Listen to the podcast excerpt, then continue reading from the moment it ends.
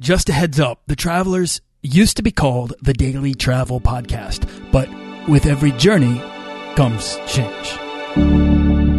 This podcast is produced by Holocene, a community of creative travelers. If you want to get serious about planning that next trip, writing that book, starting that creative project, or launching that business, we're breaking down the barriers between where you are where you want to be together at joinholocene.com. That's join, H O L O C E N E.com. Today we're discussing how to overcome the barriers that prevent us from traveling more with Jean Ellen Watley.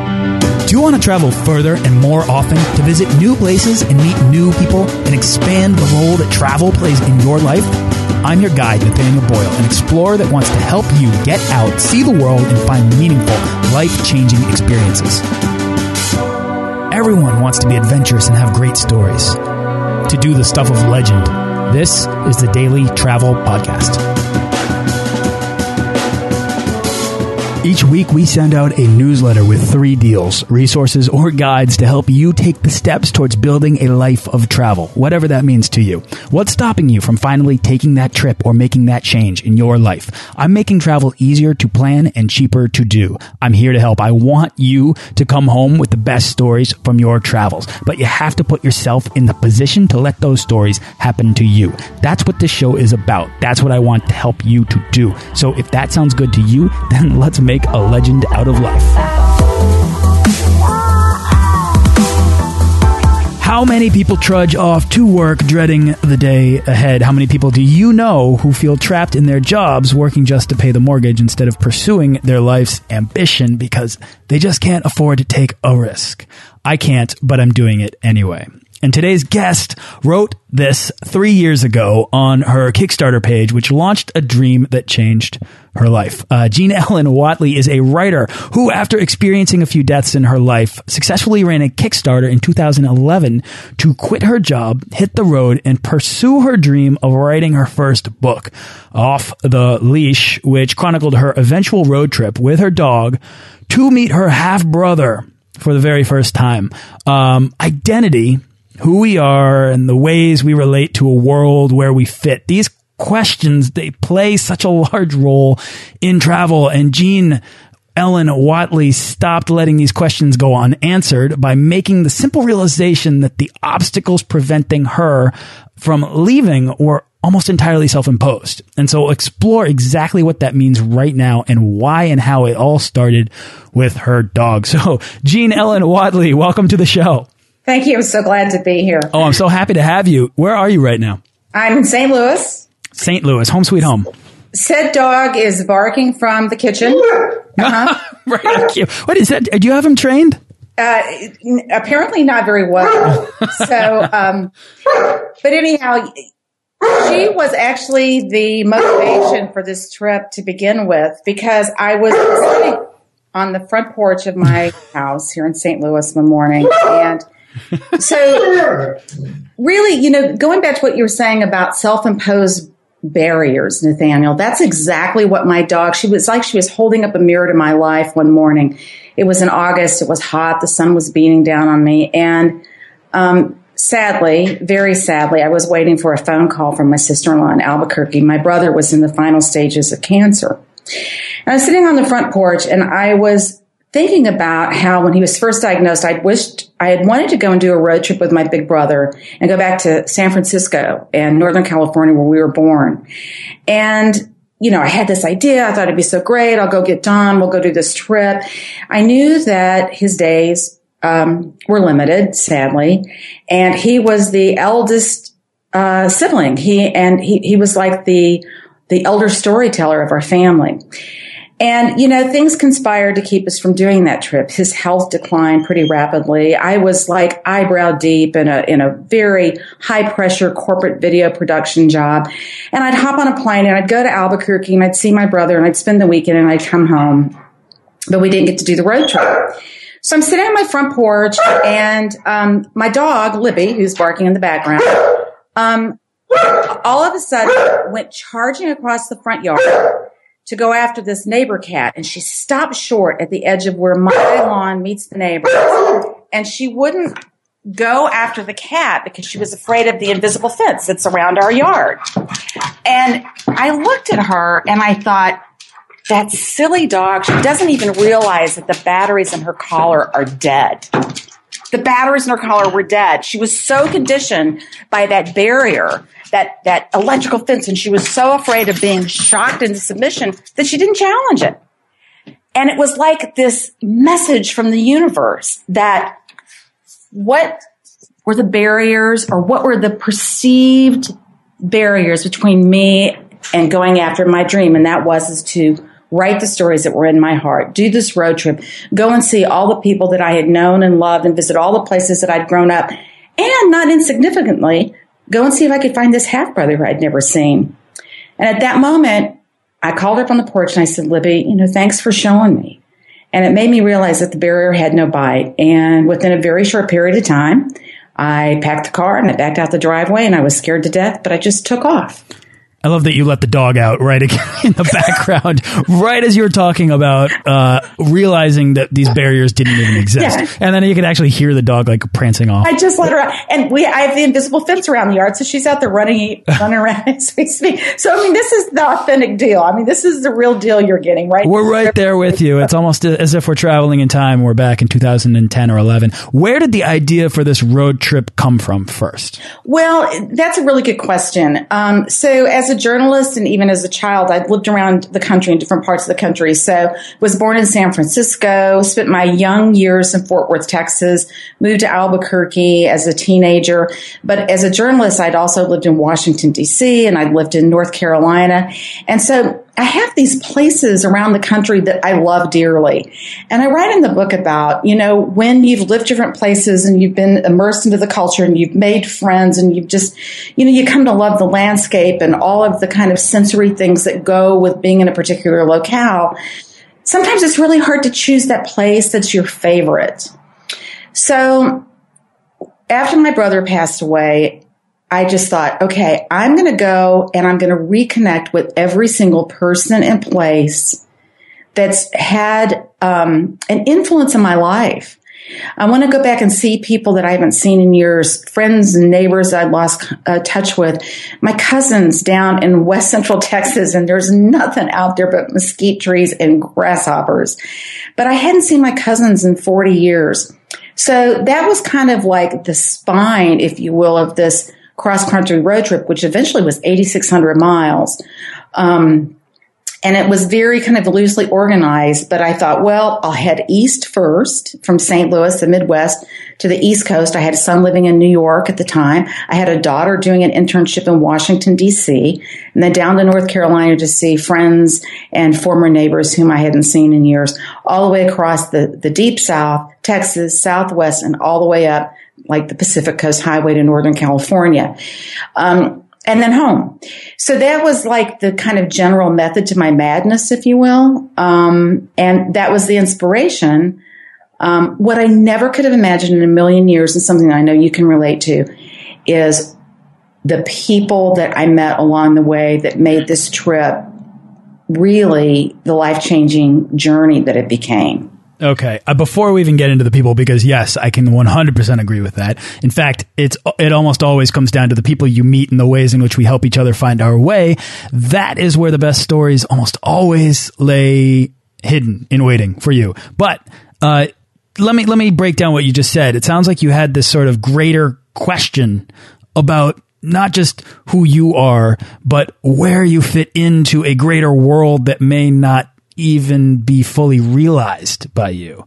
Uh, it's almost as if you had all these these places to go and this these people to meet and this sort of greater scaffolding of your own life that you couldn't fully see, and so you really all of a sudden became maybe because of the proximity to mortality, you became more uh, curious about. Uh, to a to a degree where you couldn't actually ignore that curiosity anymore. Does that sound? Am I am I am I right here? Am I close? Right. And you no, you're not reading anything into this at all. You're you're good. um, yeah, there's a poignancy in that. You know, there's a there's a very uh, sad and sobering poignancy that comes to comes into bear when you realize, you know, um, life is short, and it sounds cliche. It does, and I don't toss that out lightly. But when you know you've seen it manifested. Um, in, in a in a painful way. Um, for me, in all candor, it was like I'd been a journalist and a, and a corporate video guy, pers- producer, blah blah blah. But really, I've been a writer since I was 12 years old, and I had these stories that were so deep inside me, and stories I think that um, really speak to just our human condition. And and I think part of that is my conditioning as a kid that comes up from kind of a blue collar background and some scrappy you know, relatives and some colorful history and, and frankly, some hardships that I um, experienced in my life.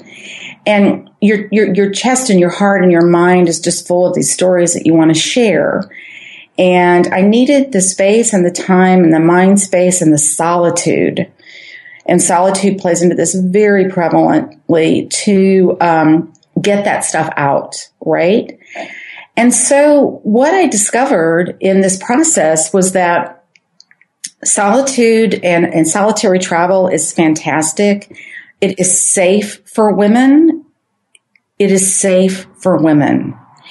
Um, but the connectedness that we have as um, people, and again, this could you know go to the kind of cliche uh, uh, thing, if, if it, you know possibly, but I mean this in a very sincere way our connectedness that we're not even aware of was the thing for me that probably was the most profound um, growth experience um, that I ever I've ever had in my life, and and that comes from the most unlikely sources. You know, like like for example, here's something that's just like unbelievable. This trip really took on um, an odyssey kind of feel. So just picture this: 8,600 miles 21 states, 139 cities. I mean, every possible landscape in America, which is stunningly beautiful, by the way, as if, you know, people listening to this podcast won't know.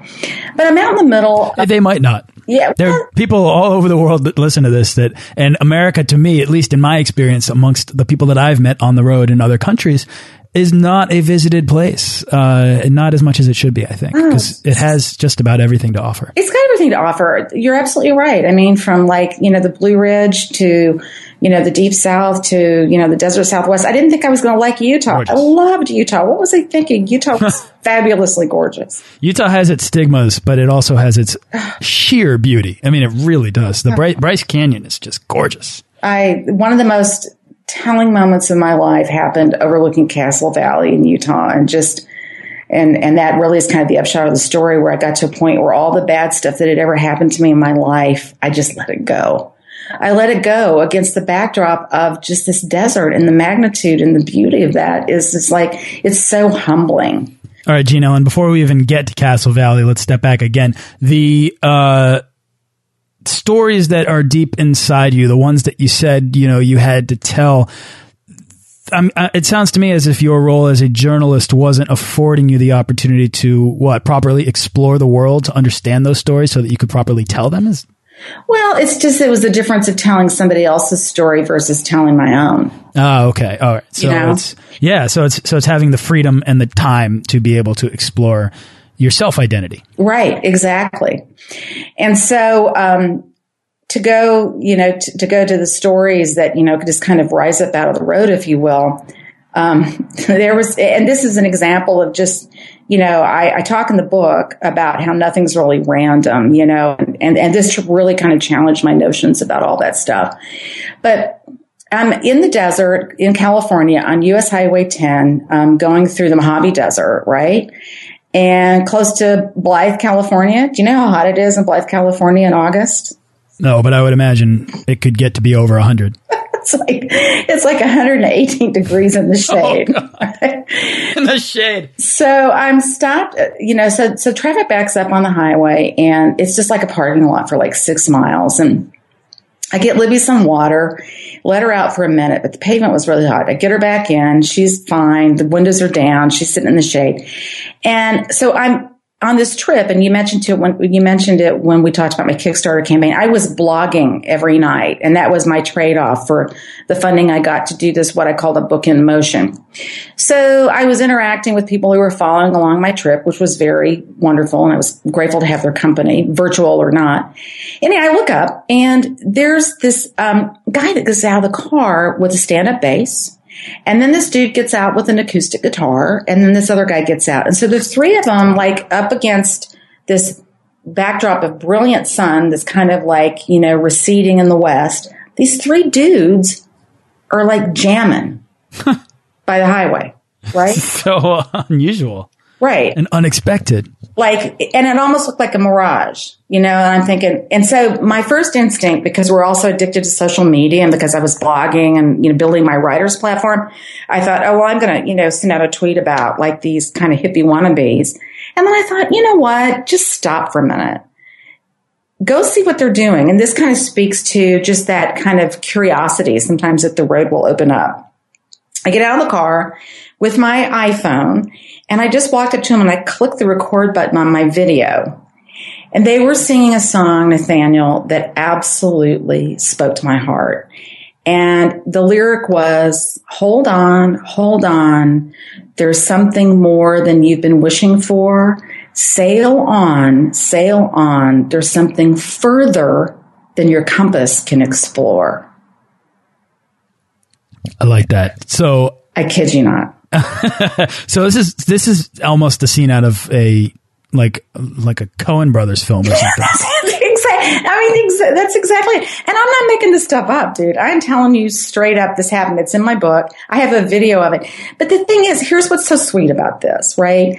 So number one, I just walk up, camera rolling, so to speak. They didn't stop playing. They were just, everybody was bored. I mean, traffic was at a standstill. They were just like stretching their legs and jamming. And so after the song ended and I you know, clicked off the record button on my iPhone. I said, Hey, my name's Jean. I'm from St. Louis. I'm traveling across the country with my dog, blah, blah, blah, blah, blah. They were a band from Glendale, Arizona, heading out to California to pick up a piano or a piece of equipment. They were going to play a couple of gigs in LA, right?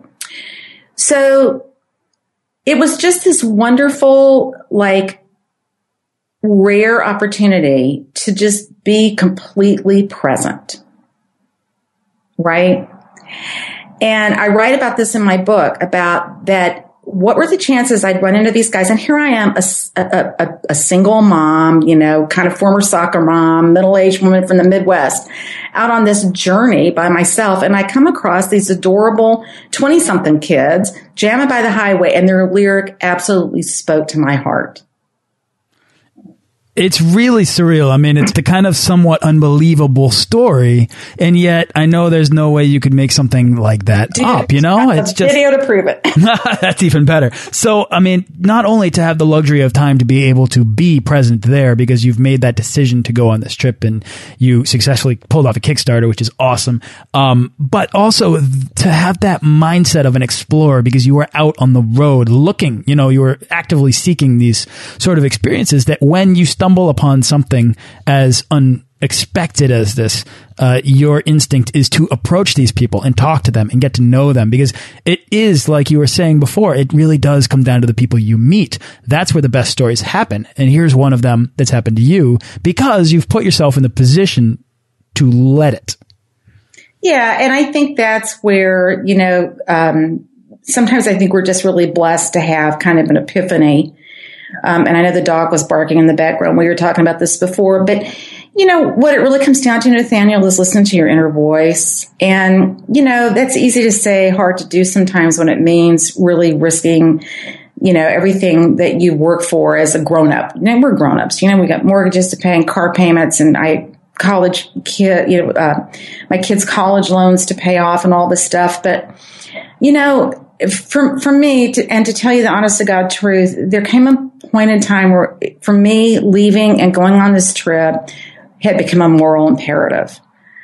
I just kind of got to a point in my life where I thought, I cannot do this life another day. I I've got to do this. I've got to go see these people I want to see. I, I want to, I need to look at those landscapes. I dreamed about New Mexico. I dreamed about, believe it or not, that crappy corner of Texas where I was a little kid and California and the, you know, the, the Golden Gate Bridge and all that stuff, you know, just, I just wanted to go and see with my eyes and visit and be present and just feel all the feelings that would come with that.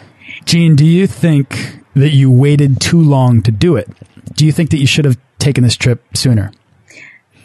You know, not really, because the only the only regret I have with that is that I would have loved to have done it with my big brother Dom while he was still alive. Mm. Um, I think that he would have loved it, and I, I, think that he would have been able to say, "Hey, Jeannie, you know, when we were kids, we did this, and we went here, and we went there," but it, it wasn't meant to be.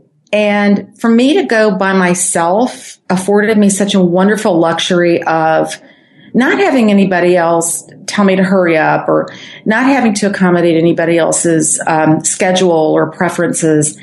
And, you know, I had very, very little money. Um, when I left, I hadn't actually, um, I don't know how, many, how much our listeners know about crowdfunding, but, you know, usually you launch a crowdfunding campaign, you see if you get the money and then you go, right? Or you, you do your art project or you do whatever your project is you're trying to get funded. In my case, I launched the Kickstarter campaign and say, Hey, I need 5,000 bucks to, to, to get there and back. But I left before I knew if I had the money or not. Um, I didn't know I was funded until I was about 17 days into the trip. Oh, I didn't realize that. See, now that's interesting because I was going to ask you, and then we've been off to the races, but I'm going to take this opportunity to do it. What were your artificial barriers and was money one of the things sure. that was stopping you? Absolutely. And I think that that's a really easy thing for people to um, tell themselves. Um, it's always uh, either no money or no time, right? It's like, well, you know, maybe I'm, I'm, making enough money right now. I could possibly take a summer off, you know, although I think that's difficult for a lot of people. Um, if they've got the money, they don't have the time. I, I had neither, frankly. Um, but you would, you tell yourself it's like this frozen narrative in your head. It's like, I can't do it. I can't do it.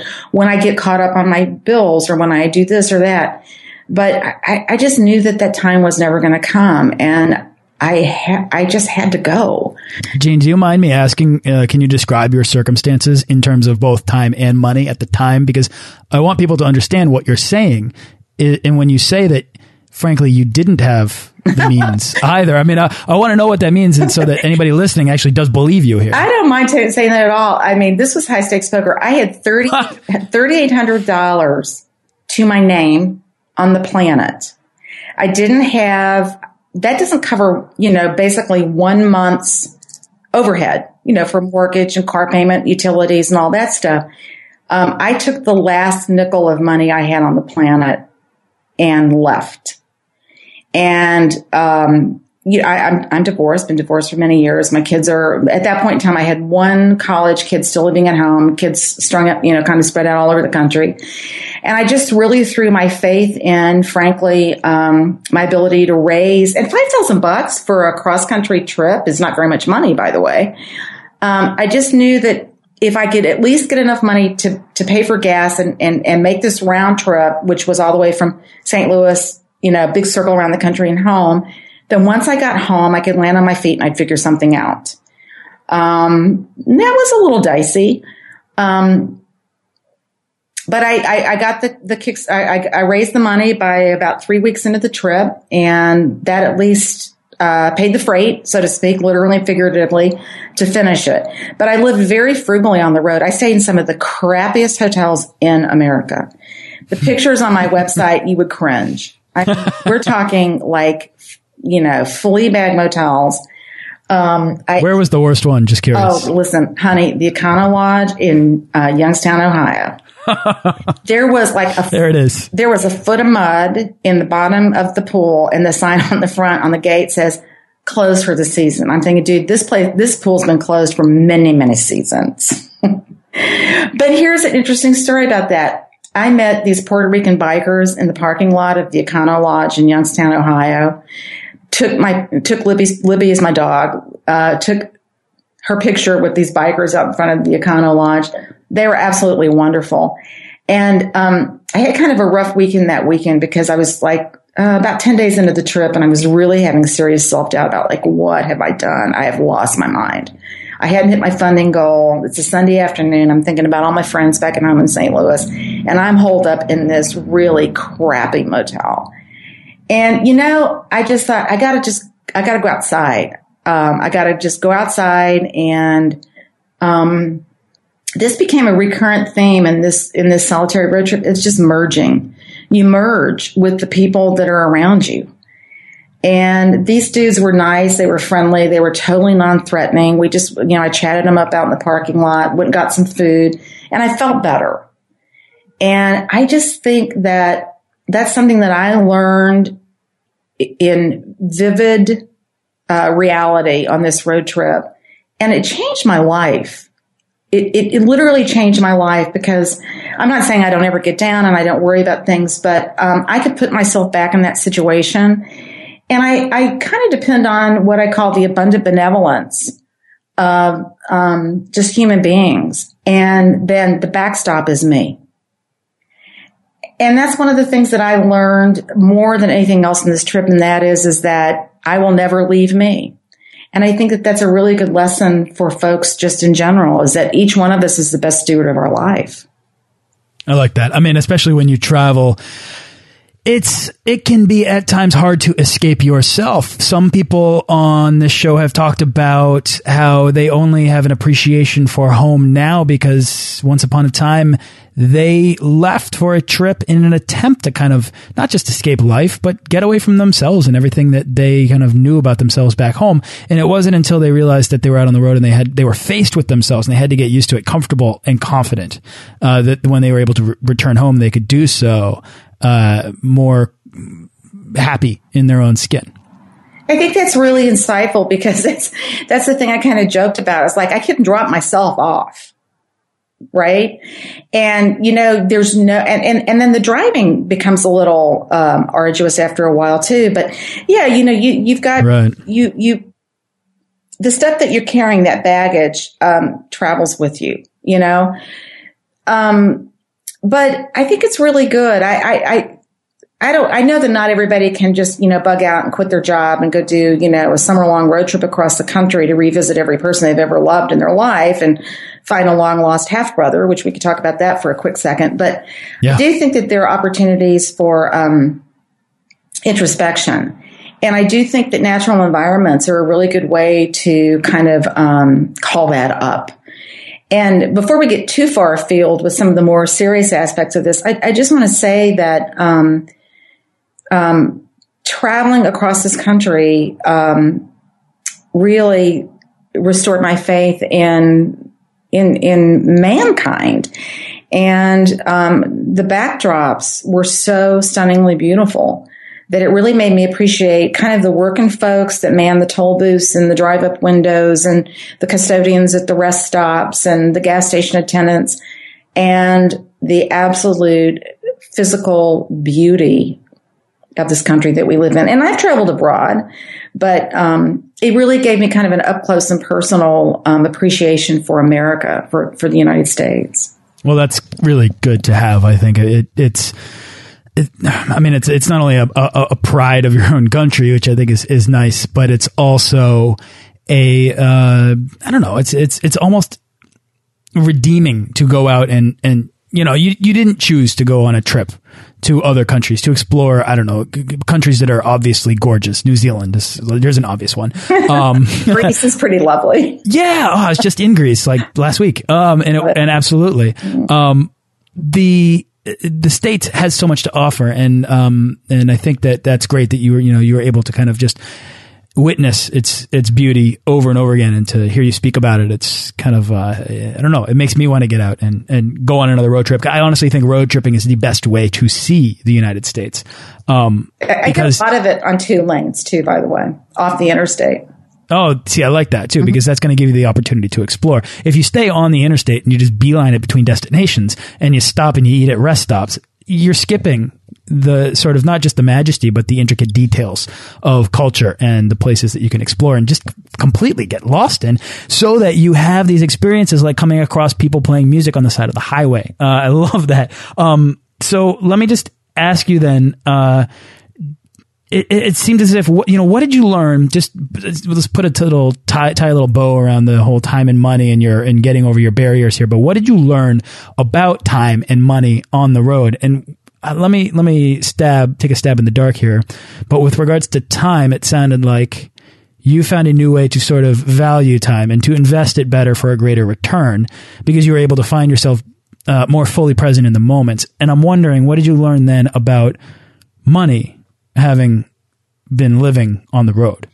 Well, you know, it's it, it's a, it's a scary thing to be without it. You know, let, let's be honest about that. It can be kind of terrorizing, but I also, you know, I, I also kind of really got into this groove of um, being a minimalist. And it taught me something that I think instinctively I kind of lean, lean that way anyhow.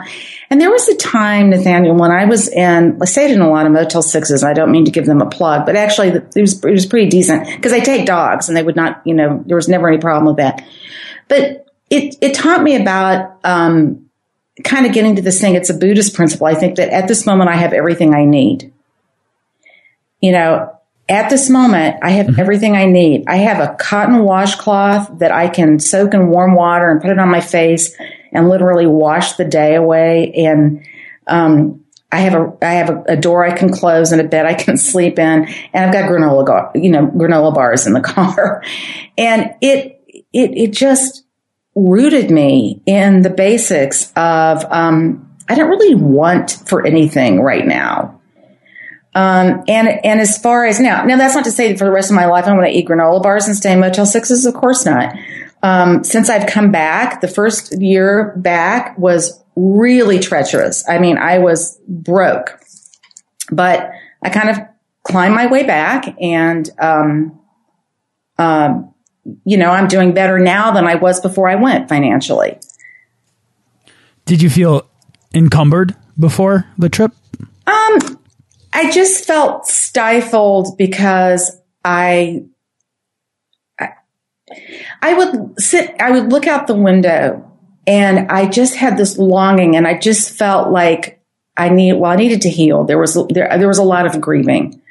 Um, but I just felt like what I needed to make me whole lay outside my house. I had this absolutely burning wish to look at the landscapes from my childhood.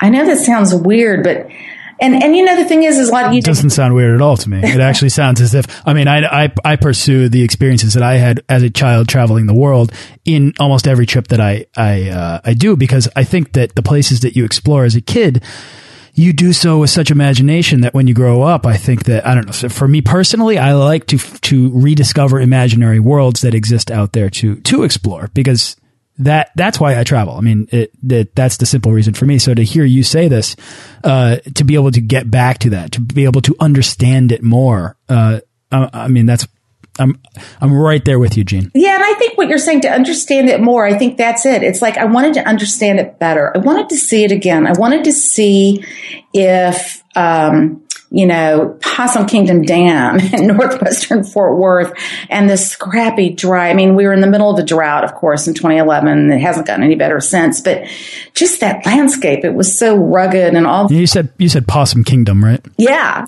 Yeah. Cause there's a Possum Kingdom airport and I just think that is amazing. and I picture it run by opossums. Yeah, I mean, it is. Uh, maybe that's the joke, but I've never been there. I saw it on a map once, and I, I literally took a screenshot, and I think I tweeted it out, and I was like, "So this exists." The Possum Kingdom Airport. I'll have to look that up after we But yeah, you know, I mean, just to see if it looked the same, and you know what? In some instances, it didn't, and then, um, and sometimes it did. It looked remarkably the same. But you know, the thing is, there's an old saying, right? It's good to get away. It's good to get away it's good to get away. And um, I think for the rest of my life, you know, I'm going to continue to do this. I got to tell you, I was racing home to jump on this interview and I was kind of stressed out in traffic and all that. And I had the windows down. It's 67 degrees here in St. Louis tonight. I had the windows down and the crickets because um, it's fall and pretty soon, you know, they're all going to go away. But I could hear the sound of the crickets in the, you know, in the brush and everything around the intersection where I was stopped and I just took a deep breath. And Nathaniel, I kid you not, that's the thing that will ground me and remind me of just um, really the intransitive nature of or, or transitive nature of our lives. And it's like right now I'm sitting here, I'm listening to the crickets. I'm okay. I'm breathing. You know, it's like it just can, I can go back in an instant to so, to thousands and thousands and thousands of visuals, you know, that I saw on that trip and things that I experienced.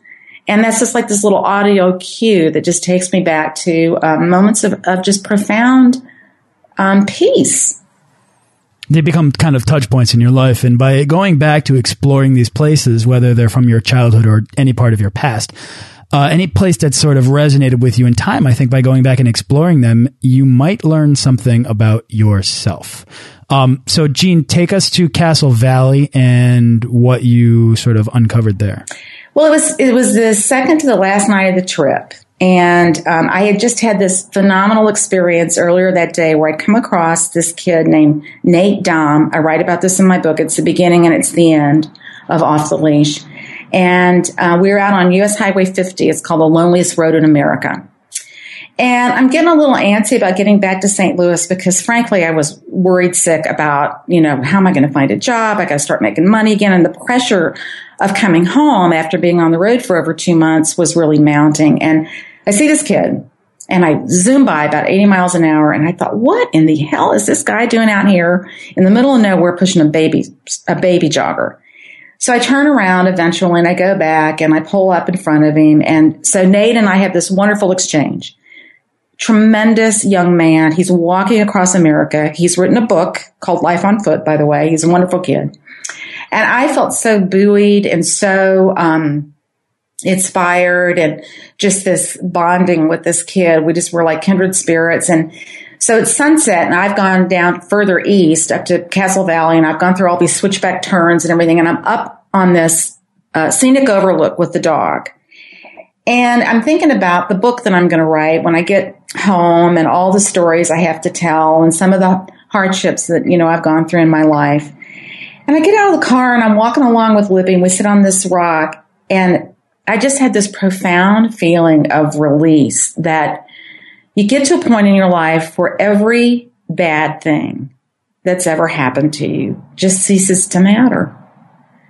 It's like, it just doesn't matter anymore because if you deal with it and you just kind of head on, you know, you talk about your interior landscapes. I went through a lot of inner landscapes on this journey, you know, but if you just kind of um, consider it and you discern, you know, that things happen and, and you have the benefit of um, these new experiences to come and fill in some of that space where the disappointment and maybe the resentment or the anger or the bitterness used to reside you have that replaced with this, you know, newfound kind of um, expand, expansiveness that it makes you or helps you just let go of all the bad stuff. So, how did knowing that make you feel?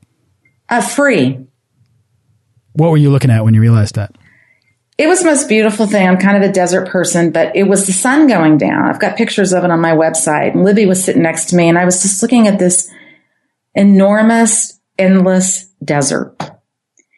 And it just makes you feel as a human being that, you know, this, these little things are kind of insignificant in the big scheme of things. And right now at this moment, I am as happy as I can possibly be. And the source of that is so simple. I'm just breathing. I'm here with my dog. I'm, I'm, I'm taking this in. I'm totally in this moment and everything's perfect. That's pretty profound. I think it's really, it's really, it must be profound to uh, to experience, but also to have sort of this concrete moment in in your life that you can go back to and con continuously have that realization uh, as a uh, as something that it can remind you that experience, that day, that moment, standing there looking out, can remind you of uh, of this perspective that you had, which can kind of retrain the way in which you go about your day to day life. I mean, that's almost a skill. Um, so I, I, think it is a skill. That's very that you're you're right. Totally. I like that. I mean, so Jean, the loss of one brother led you to meeting another. Um, and I just wanted to know, uh, how did meeting your half brother sort of at the end of this, uh, or was this at the end or in the midpoint of your close to the trip? end? Yeah, it was in Northern California, up in El Dorado County, close to Sacramento, between Sacramento and Lake Tahoe. And yeah, it was towards the end, and I did it on purpose that way because, frankly, I didn't know. I, I had a name. His name was Mike, and I had a, an approximate location, but um, I purposely waited to the end of the trip and I didn't even really look into it until close to the end because I wanted to be really present to all the other stops along the way. And meeting him was so easy. It was a lot easier and a lot um, less stress ridden than I thought it was going to be. Um, the funniest thing is, is I, I literally finally, you know, got the nerve to make the call when I was on the freeway outside of San Francisco and his daughter picked up the phone and I was kind of cagey about who I was. And she said, she just called my bluff and she goes, are you my grandfather's daughter? And I said, uh, yeah, pretty much. And so I come to find out that, you know, I had been talked about that they wanted what had happened to that other little girl, you know. So meeting him just um, kind of satisfied a curiosity. I got an opportunity to look at pictures of my father and uh, my brother Mike and I look quite a bit alike, which was interesting.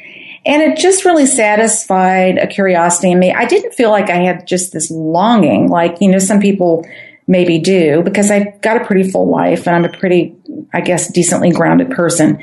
But there is some satisfaction in knowing um, that I've got this other brother out there, and he's very sweet, and we stay in touch.